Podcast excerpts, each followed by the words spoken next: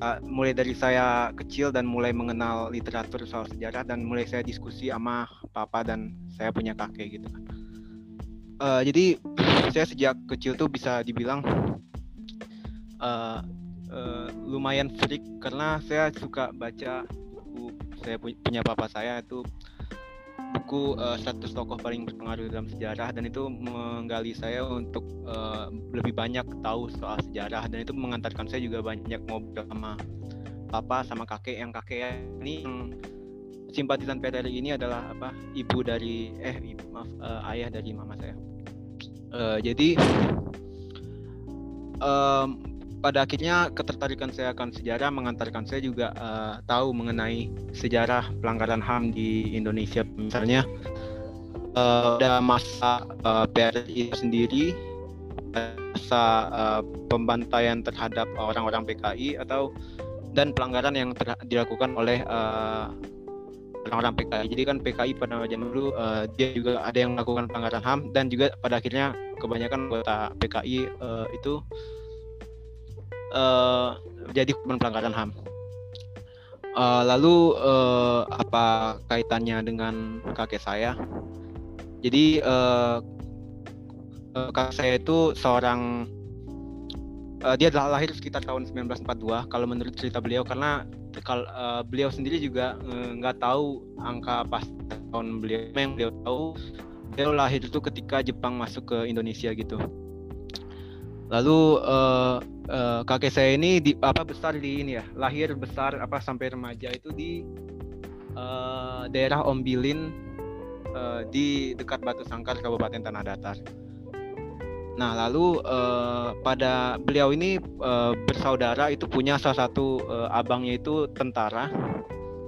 Ten, uh, tentara ini tentara Republik. Lalu uh, abang beliau ini yang tentara Republik ini uh, sempat pergi perang waktu itu ke ke Ambon, ke Maluku pokoknya saya nggak ingat apa Ambon apa di mana. Lalu dan gugur di sana. Lalu uh, kakek saya yang dulunya awalnya pengen jadi tentara lalu uh, dilarang gitu sama keluarga kakek saya. Namun ketika PRRI pecah pada tahun 1958 uh, itu kakek saya uh, jadi saksi sejarah uh, uh, di mana terjadi pergolakan, terjadi uh, pertumpahan darah terjadi kontak senjata antara orang-orang Sumatera Barat yang pro PRRI dengan para uh, tentara pusat gitu.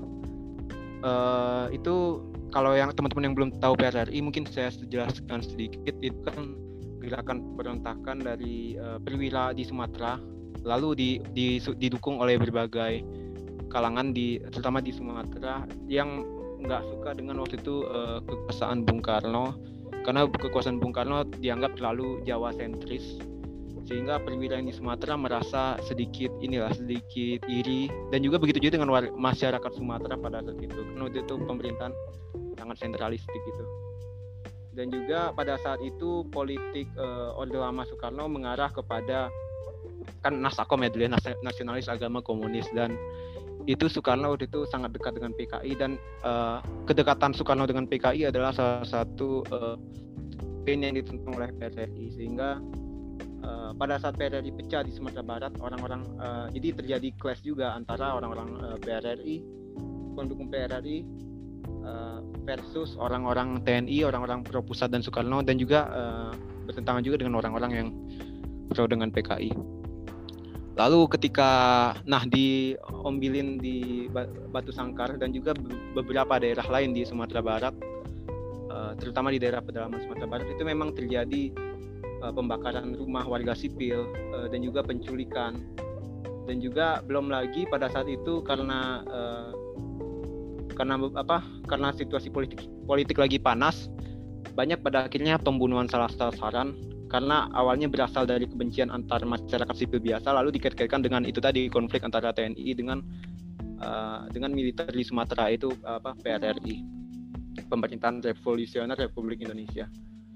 Uh, lalu kemudian uh, mungkin kalau bicara tentang PRRI teman-teman bisa uh, kalau ingin tahu lebih jauh, bisa baca di literatur tentang PRRI lainnya. Uh, terus uh, ya kaki saya cukup cukup uh, menyaksikan itu semua uh, pembunuhan uh, pembakaran rumah. Uh, lalu uh, tujuh tahun pasca PRRI tersebut kan PRRI pecah tahun 58 lalu tahun 65 itu G30 SPKI pecah di di di Jakarta dan menyebar ke seluruh Indonesia beritanya kan. Ketika waktu itu uh, tujuh jenderal yang tujuh jenderal besar itu diculik oleh uh, apa Cakrabirawa yang dituduh uh, terli, apa apa mendapat dukungan kuat dan mendapatkan pengaruh dari PKI gitu. Nah, pada tahun 65 ini pada tahun 65 kakek saya merupakan seorang hansip desa. Seorang hansip desa ini jatuhnya kayak apa ya kayak petugas keamanan tapi mungkin uh, dia tetap warga sipil, dia tidak memegang senjata api gitu. Ya mungkin nggak jauh beda dengan apa dengan han, zaman sekarang kalau misalnya kita masih ketemu hansip tapi udah jarang sih saya lihat sekarang Nah, pada saat itu beliau hansip desa di daerah Umbilin itu. Lalu beliaulah yang bertugas untuk uh, menjemput orang-orang terduga PKI, orang-orang terduga simpatisan komunis, apa dan uh, yang sekitar terkait dengan itu, itu Gerwani, pemuda rakyat, pokoknya yang uh, yang dituduh komunis lah. Jadi tugas beliau menjemput orang-orang itu, mengantarkan ke Pak Camat, lalu Pak Camat mengantarkan ke tentara. Dan sampai ke tentara kan kita nggak tahu apakah itu mereka di penjara atau dibunuh atau gimana itu nggak tahu dan itu memang uh, termasuk dari salah satu rangkaian uh, pelanggaran HAM di ter, salah satu rangkaian pelanggaran HAM besar di Indonesia. Nah lalu uh, jadi kakek saya karena apa ya karena ter, uh, di bawah pengaruh pemerintah Orde Lama. Ya kan awalnya beliau terkesan sebagai sebagai simpatisan PKRI namun pada saat tahun 65 itu beliau justru uh, mendapatkan perintah atau titah itu dari uh, dari NKRI gitu dari negara kesatuan. Uh, lalu saya berhasil menjalankan tugasnya ya uh, men menjemput orang-orang merah itu orang-orang kiri orang-orang yang dianggap komunis. Lalu tapi ternyata setelah setelah apa setelah terlibat dengan perbuatan biadab seperti itu yang sebenarnya bukan atas keinginan kakek saya uh, beliau hidupnya nggak tenang karena karena ada gosip-gosip di kampung gitu ada obrolan-obrolan di kampung bahwa uh, nantinya keluarga dari orang-orang yang dijemputnya akan apa akan dendam ke kakek saya dan keluarga kakek saya. Dan, dan tentunya yang paling berisiko di sini adalah kakek saya jadi dari Om Bilin itu semenjak uh, pasca itu pasca 65 pasca penjemputan orang-orang komunis beliau harus meninggalkan kampung halamannya waktu itu beliau ke Padang. Dan uh, mulai dari Padang itulah beliau uh, mulai banyak merantau. Beliau sempat juga sempat dari dari Padang beliau sempat ke Mentawai. Dari Mentawai beliau ke Tangerang. Uh, Tangerang dan dekat dari Tangerang beliau akhirnya sekarang itu di Kabupaten Pesisir Selatan di daerah Lunang dekat dekat perbatasan dengan Bengkulu gitu Nah, uh, itulah kita kalau sejarah cerita sejauh keterlibatan beliau dengan uh, eh, PRRI dan bagaimana beliau terlibat dalam pelanggaran HAM dalam pembantaian pada saat itu. Yang sebenarnya beliau terlibat itu bukan keinginan pribadi beliau. Nah, uh, saya pribadi uh, sebagai cucunya juga uh, sering ngobrol dengan beliau. Saya beliau saya sering menanyakan pada beliau tentang bagaimana pandangan beliau terhadap apa yang beliau perbuat dulu uh, beliau sendiri masih masih menganggap bahwa PKI memang salah dan PKI memang perlu di beliau tetap menyesali kenapa beliau harus mengantarkan para orang-orang terduga PKI ini ke liang lahat mereka sendiri gitu dan kakek saya walaupun secara politis mungkin nggak suka dengan PKI namun uh, beliau cukup menyesali uh, perbuatan yang telah lewat itu nah lalu bagaimana dampaknya terhadap arah pemikiran saya sebagai cucu beliau, cucu simpatisan PRRI seperti layaknya mungkin banyak dari orang Sumatera Barat juga keturunan uh, eh, PRRI. Uh, saya sendiri itu mengantarkan saya kepada kebencian terhadap uh, terhadap Orde Baru dan uh, Soeharto. Uh, dan juga kebencian saya terhadap militer secara umum hingga saat ini. Karena uh, saya yakin uh, kakek saya pada akhirnya hidupnya nggak tenang di kampung, pada akhirnya kakek saya harus meninggalkan kampung halamannya sendiri, itu kan karena mendapatkan perintah dari di rezim Orde Baru pada saat itu, yang mana kan kekuasaan kan sudah hampir pindah ke Soeharto dan juga uh, itu membuat saya benci kepada kepada TNI kepada Orde Baru kepada Soeharto karena uh, mereka lah yang menuntut yang membuka saya untuk ikut uh, dalam arus seperti ini gitu. Uh, dan ya berdampak kepada kita yang uh, masa kesulitan pada saat itu gitu. Dan itu memunculkan rasa simpati saya terhadap korban pelanggaran HAM termasuk korban ter terhadap korban pelanggaran HAM yang waktu itu jadi sasaran kakek saya ya itu orang-orang yang diduga oleh PKI dan diduga sebagai PKI dan sebagainya gitu. Dan itu juga mengantarkan saya untuk mencari uh, sumber dan literatur uh, sejauh apa sih uh, pelanggaran terhadap orang-orang terduga apa komunis gitu. Dan juga apakah yang di dibunuh yang ditangkap ini adalah benar-benar terlibat dal apa dalam pemberontakan G30S dan juga sejarah PKI itu sendiri seperti apa dan sampai segitunya jadi uh, ada keanehan mungkin ya karena pada awalnya uh, saya punya kakek itu terkesan sangat uh, anti PKI. Nah, saya sendiri sebagai cucunya yang saya sadar bahwa kakek saya terlibat dalam pelanggaran HAM, saya justru mencari tahu banyak soal itu, soal orang-orang komunis, soal komunisme itu sendiri dan itu memunculkan rasa simpati saya terhadap uh, pelanggaran HAM masa lalu yang di antaranya juga uh, di di apa di dibawa oleh kakek saya dulu.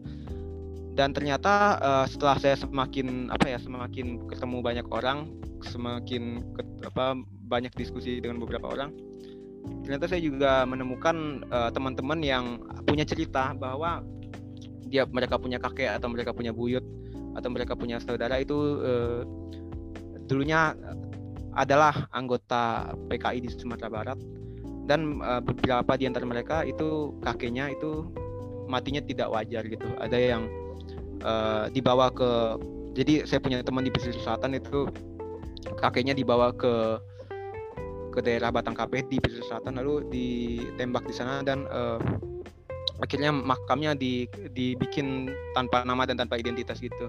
Dan juga saya ada menemukan teman di uh, ilmu komunikasi juga yang dia uh, kakek saudara dari kakek dia itu juga uh, dibantai dalam uh, pelanggaran HAM yang besar pada saat itu gitu. Uh, lalu uh, dan uh, yang membuat saya sadar uh, dari cerita kakek saya dan juga cerita dari pengalaman teman-teman gitu kan tentang sejauh apa uh, uh, kaitan leluhur mereka terhadap pelanggaran HAM dalam sejarah itu akhirnya membuat saya sadar akan pentingnya uh, rekonsiliasi, pentingnya uh, pem, apa menulis ulang sejarah dengan cara yang benar gitu. Tidak hanya menulis sejarah dengan uh, menulis sejarah dengan cara yang biasa kita temukan di Indonesia yaitu hanya untuk menutup-nutupi kesalahan para pelaku pelanggaran HAM zaman dulu. Itu membuat saya sadar akan hal itu. Dan juga uh, saya yakin saya tidak sendiri gitu. Uh, uh, saya tidak tidak sendiri sebagai orang yang menginginkan uh, menginginkan pelanggaran HAM masa lalu itu diungkap gitu karena akan di di seluruh Indonesia di di saya menemukan berita waktu itu tahun 2015 atau 2016 di daerah dekat Painan itu di daerah Salido itu di pesisir selatan ada seorang uh, seorang yang sudah cukup tua yang sudah lama besar di rantau beliau pergi ke makam kakeknya di daerah pesisir selatan itu. Lalu karena kakeknya ini merupakan orang yang dianggap pada zaman itu dianggap sebagai komunis, jadi beliau ini uh, dianggap juga sebagai keturunan komunis, jadi dapat dapat uh, tekanan sama orang sekitar kampung sana. Padahal cuma melihat makam dari leluhurnya sendiri dan itu membuat saya kasihan dan membuat saya juga bersimpati. Dan oleh karena itu uh, ini membawa dampak cukup besar kepada saya dan orang-orang yang semacam saya uh, itulah yang membuat saya pengen sebisa mungkin terlibat dalam gerakan uh, aktivisme atau gerakan-gerakan advokasi soal uh, HAM.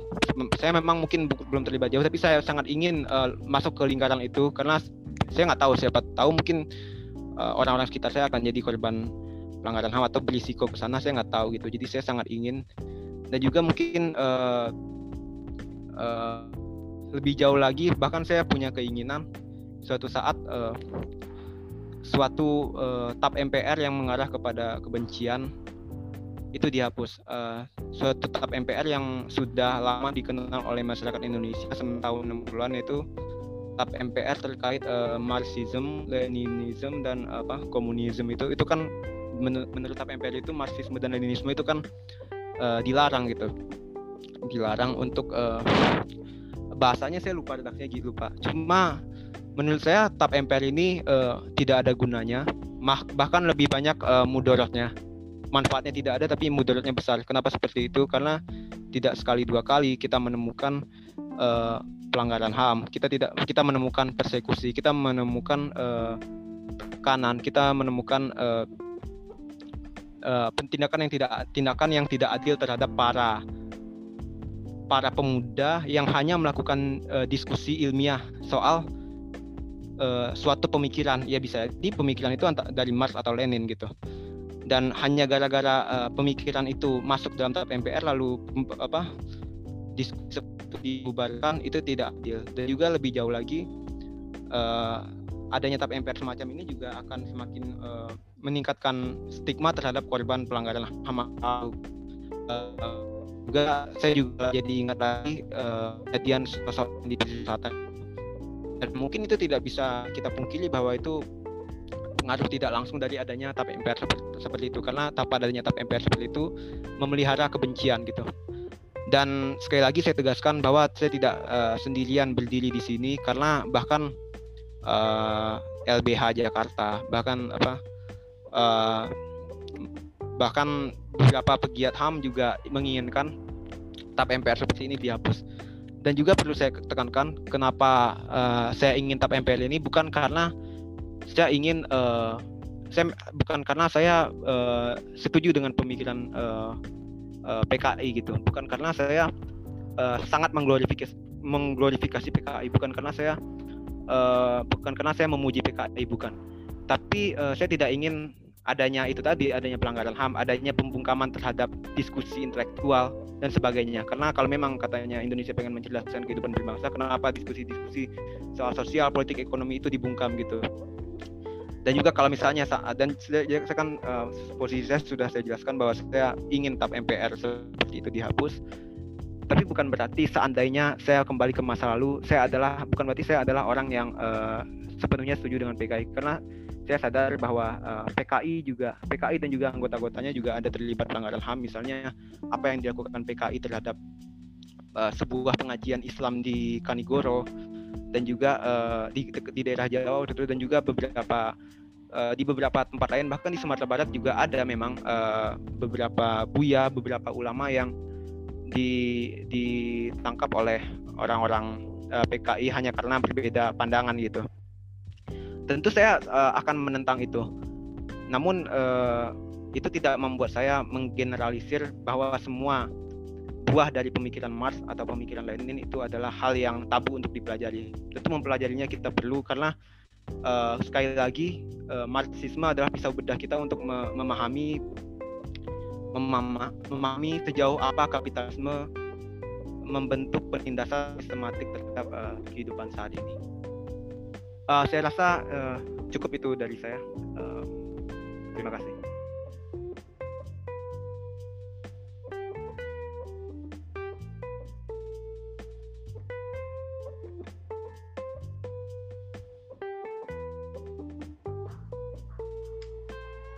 Selesai, Dava? Uh, sudah, Pak. Oke. Okay. Uh, ada yang ingin ditanyakan mungkin bisa kita eksplor lebih dalam apa yang disampaikan oleh Dava tadi. Silahkan uh, kita sampai jam 5 saja maksimal. Silahkan dieksplor mungkin ada beberapa yang perlu kita perdalam pertajam dari apa yang disampaikan Dava tadi. Silakan.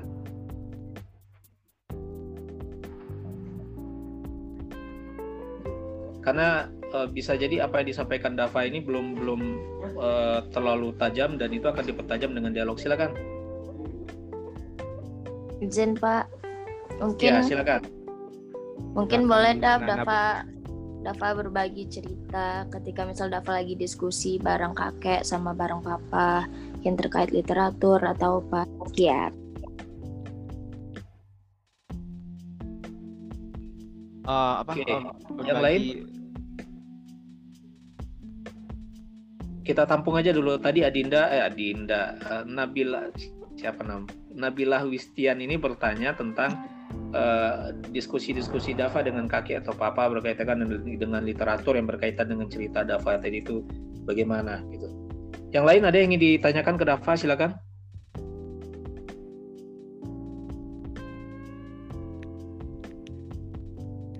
Silakan. Uh, saya mau menanya Pak. Ya boleh silakan.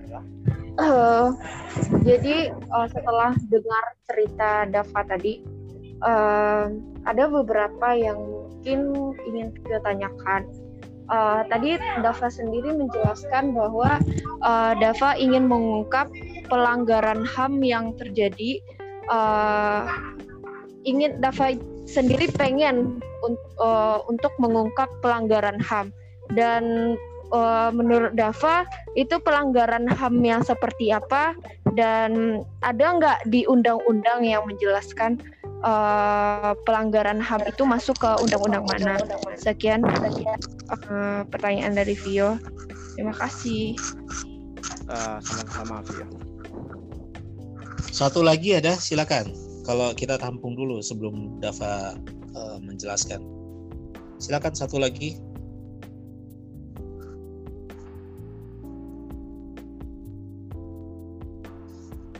Oke, kalau tidak ada sambil menunggu, uh, silakan Dava. Ada dua tadi yang ditanyakan.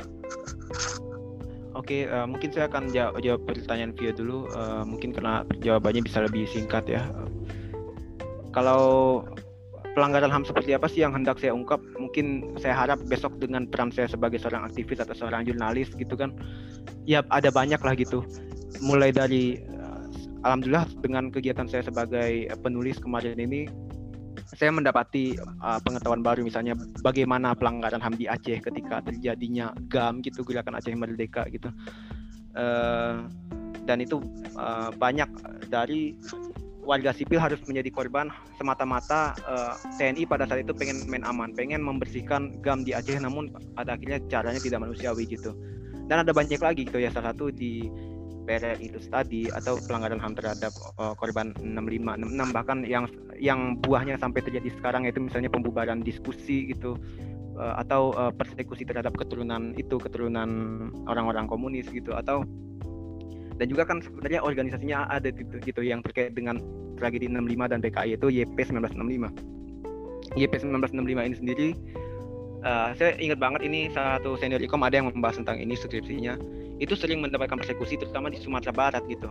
Diskusinya dianggap sebagai inilah sebagai uh, berkumpulnya para komunis untuk inilah gitu untuk hal-hal buruk lah dan sebagainya gitu. Dan begitu juga Jakarta pada tahun uh, 2016 kalau nggak salah dulu pernah juga ada LBH melakukan diskusi terkait pelanggaran HAM 65 namun akhirnya suatu ormas yang kemarin ini baru dibubarkan meminta uh, diskusi tersebut dibubarkan dan bilang bahwa LBH LBH Jakarta adalah sarang komunisme padahal nggak seperti itu kalau memang uh, eh, LBH hanya menjalankan tugasnya sebagai lembaga bantuan hukum dan lembaga bantuan hukum ya mestinya uh, tidak memandang suatu identitas gitu.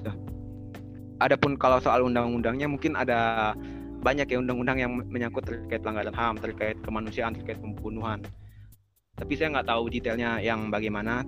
Ya tentu salah satunya yang pasal 28 di UUD, UUD 45 bahwa uh, ada ada apa kebebasan untuk berserikat, berkumpul dan berpendapat itu salah satunya dan itu baru hal yang kecil ya. Belum lagi hal besar seperti hidup manusia dan lainnya dan itu saya nggak hafal sih pasal-pasal dan undang-undangnya gitu, Vio.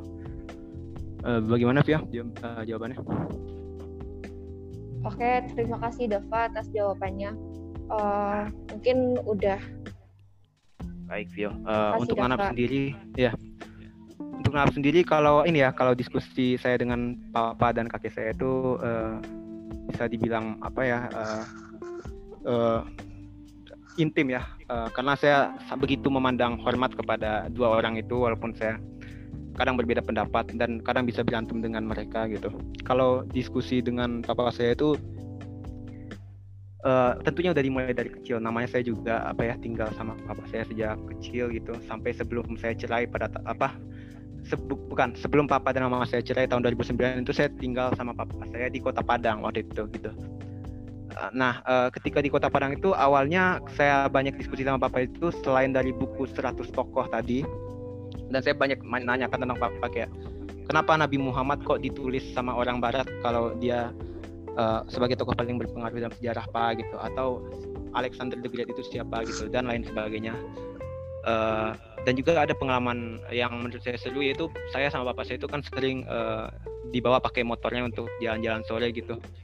Dan juga uh, ketika lewat tugu-tugu yang ada di kota Padang tugu-tugu yang ada di kota Padang yang ada patung-patungnya yang ada reliefnya gitu saya suka minta papa berhenti gitu. Terus uh, minta papa berhenti terus uh, papa biarin saya untuk nengok-nengok itu patung dan juga uh, nengok-nengok itu patung dan relief dan juga baru ntar saya nanya ke papa itu itu patung itu relief tentang apa sih? Terus baru papa menjelaskan bahwa oh itu tentang tentang perang kemerdekaan dulu. Misalnya saya ingat banget yang tugu di simpang harju itu termasuk apa favorit saya waktu kecil saya sama bapak saya. Itu uh, papa menjelaskan bahwa di relief ini menggambarkan pada saat itu di daerah simpang harju dan sekitarnya Padang pada umumnya uh, ada pemberontakan masyarakat Padang terhadap kolonial Belanda gitu dan sebagainya dan cerita umum tentang kemerdekaan lah gitu. Dan itu uh, akhirnya juga dan begitu juga dengan uh, beberapa monumen sejarah lain yang saya selalu uh, uh, minta ke papa untuk uh, berhenti saya ngeliat-ngeliat dan juga ngobrol dan papa dengan akan dengan senang hati menuruti itu gitu. Uh, uh, dan pada akhirnya diskusi dengan papa saya terus berlanjut sampai uh, beliau meninggal pada tahun 2018 uh, diskusi saya dengan papa saya itu sudah sangat melebar sampai ke inilah sampai ke musik rock lah musik metal lah uh, sampai ke berbagai hal gitu. Sampai ke uh, jurusan kuliah sampai ke uh, dan la lain sebagainya gitu. Uh, sedangkan kalau sama kakek saya sendiri uh, kakek saya sendiri itu uh, saya saya ingat punya pengalaman dulu uh, main ke kampung halaman kakek saya di Ombilin di Ombilin itu kan ini ya uh, deket-deket danau danau Singkara gitu. Terus uh, ketika lewat uh, di di dekat danau dan itu ada kayak uh, kayak penurunan gitu. Kakek saya cerita kalau situ pernah ada terjadi perang dan mendengar kata perang itu saya saya uh, seolah-olah uh, uh, telinga saya berdiri lah gitu. Uh, karena saya apa suka cerita tentang uh, perang tentang apa kemerdekaan gitu. Dan baru di situ kakek saya menceritakan kalau uh, kakek dulu kakek dan orang-orang yang uh, yang apa satu kampung dengan kakek dulu terlibat dengan terlibat perang di sekitar Danau Singkara ini gitu. Uh, dan baru kemudian setelah saya agak besar setelah beberapa tahun setelah saya pertama kali dikenalkan oleh kakek akan cerita itu baru saya tahu bahwa kakek saya ini bukan pejuang kemerdekaan. Awalnya saya kira kakek saya ini pejuang kemerdekaan 45 tapi enggak. Ternyata kakek saya ini adalah orang yang menentang pemerintah NKRI pada saat itu bersama dengan orang-orang di kampungnya tentunya ya. Dan beliau kakek saya hanya di tataran ini ya tataran akar rumput bukan petingginya atau perwiranya gitu. Jadi seperti itu ya. Dan saya sangat yang sangat saya sangka sayangkan dari kakek saya walaupun saya suka diskusi sama beliau literatur beliau bisa dibilang kurang. Jadi sampai sekarang beliau kalau saya diskusi sama beliau beliau tetap menyalahkan uh, uh, PKI gitu beliau. Dan yang paling penting dari beliau beliau selalu menegaskan bahwa uh, apa orang-orang PRRI yang di kampung beliau dan di Sumatera Barat dan Sumatera pada umumnya itu sebenarnya intinya bukan memberontak tapi intinya itu uh, ingin memperbaiki kesalahan Soekarno pada saat itu gitu. Dan juga uh, mungkin bibit-bibit uh, pembangkangan ini juga sampai ke uh, apa saya punya mama gitu. Mama ini anak bungsu dari kakek saya uh, sedangkan kalau saya juga sering diskusi sama mama saya dan mama saya ini yang pada akhirnya dia punya buku buku ini tentang uh, tentang anak ideologi anarkisme.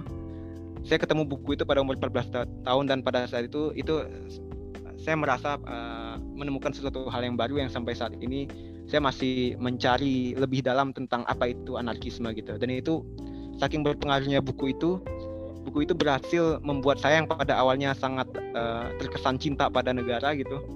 Bahkan saya sempat pengen jadi tentara lalu ketemu buku tentang anarkisme ini yang mana ideologi anarkisme kan ideologi nggak suka dengan negara gitu. Saya mulai mempertanyakan kenapa sih saya pengen jadi tentara? Kenapa sih negara harus ada gitu? Dan nyatanya banyak pelanggaran ham disebabkan oleh uh, patriotisme terhadap negara gitu. Itu sih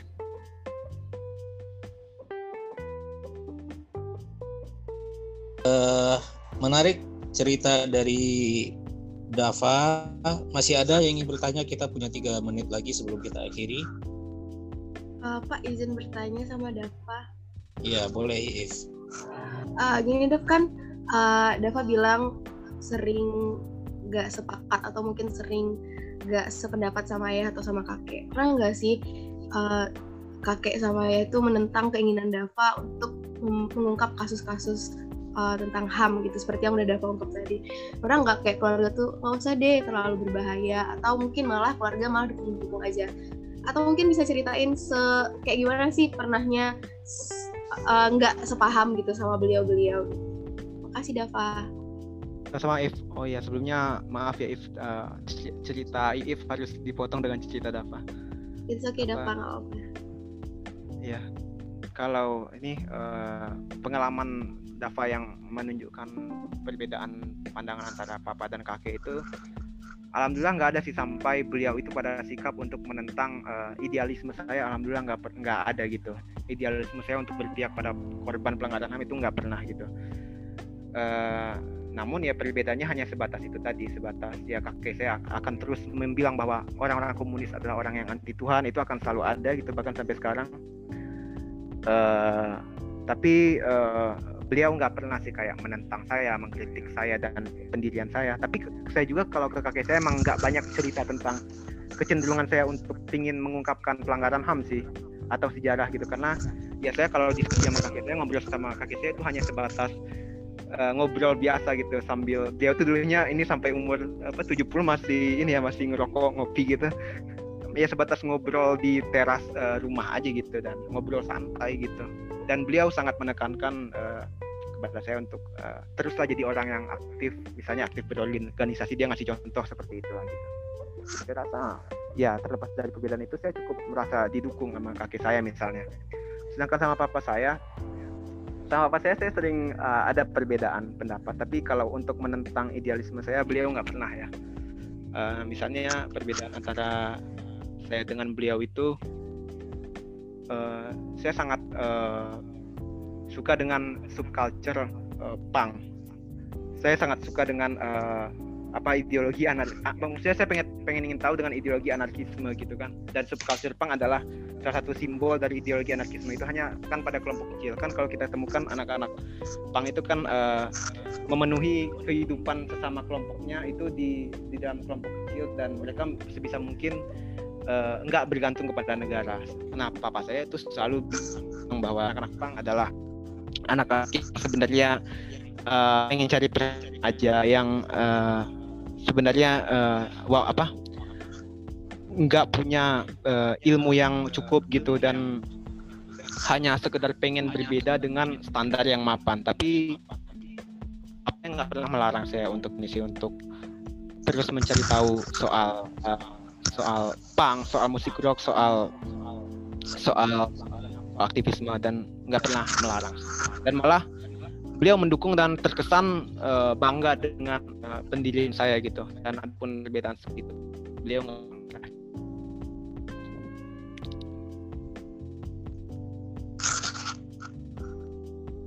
baik yang uh, cukup Dava cukup pak cukup oke okay. pas tepat jam 5 ya uh, buat semuanya silahkan dituliskan uh, apa yang disampaikan oleh Dava tadi di minimal uh, nanti saya, saya share ketentuannya di grup uh, mudah-mudahan uh, langkah awal kita dalam uh, bagaimana menulis cerita Dava akan uh, menjadi sebuah titik bagus dalam mempelajari bagaimana itu jurnalisme sastrawi. Uh, dua minggu lagi atau minggu depan kita akan membahas sebuah tulisan. Tulisannya ini kurang lebih saya yakin kalau Dava suka tulisan-tulisan seperti ini adalah tulisan tentang bagaimana uh, cerita di sebuah GAM, uh, bagaimana GAM dan tentara Indonesia bentrok dan kita uh, akan uh, membahas tulisan itu yang ditulis oleh salah seorang wartawan di Aceh dengan karya sastrawi. Tapi itu di bukan di minggu ini, di minggu depannya lagi. Untuk saat ini uh, kita bahas dulu uh, uh, coba tulisan kalian dulu kita lihat dan bagaimana ini progresnya ke depan. kalau tidak ada yang ingin ditanyakan, kita tutup kuliah kita di sore hari ini. Jangan lupa deadline-nya nanti malam jam 12 ketentuannya akan saya share di grup sebentar lagi. Uh, tulisan semuanya dikirimkan ke Dava ya. Sedafa tolong dikirim ke saya.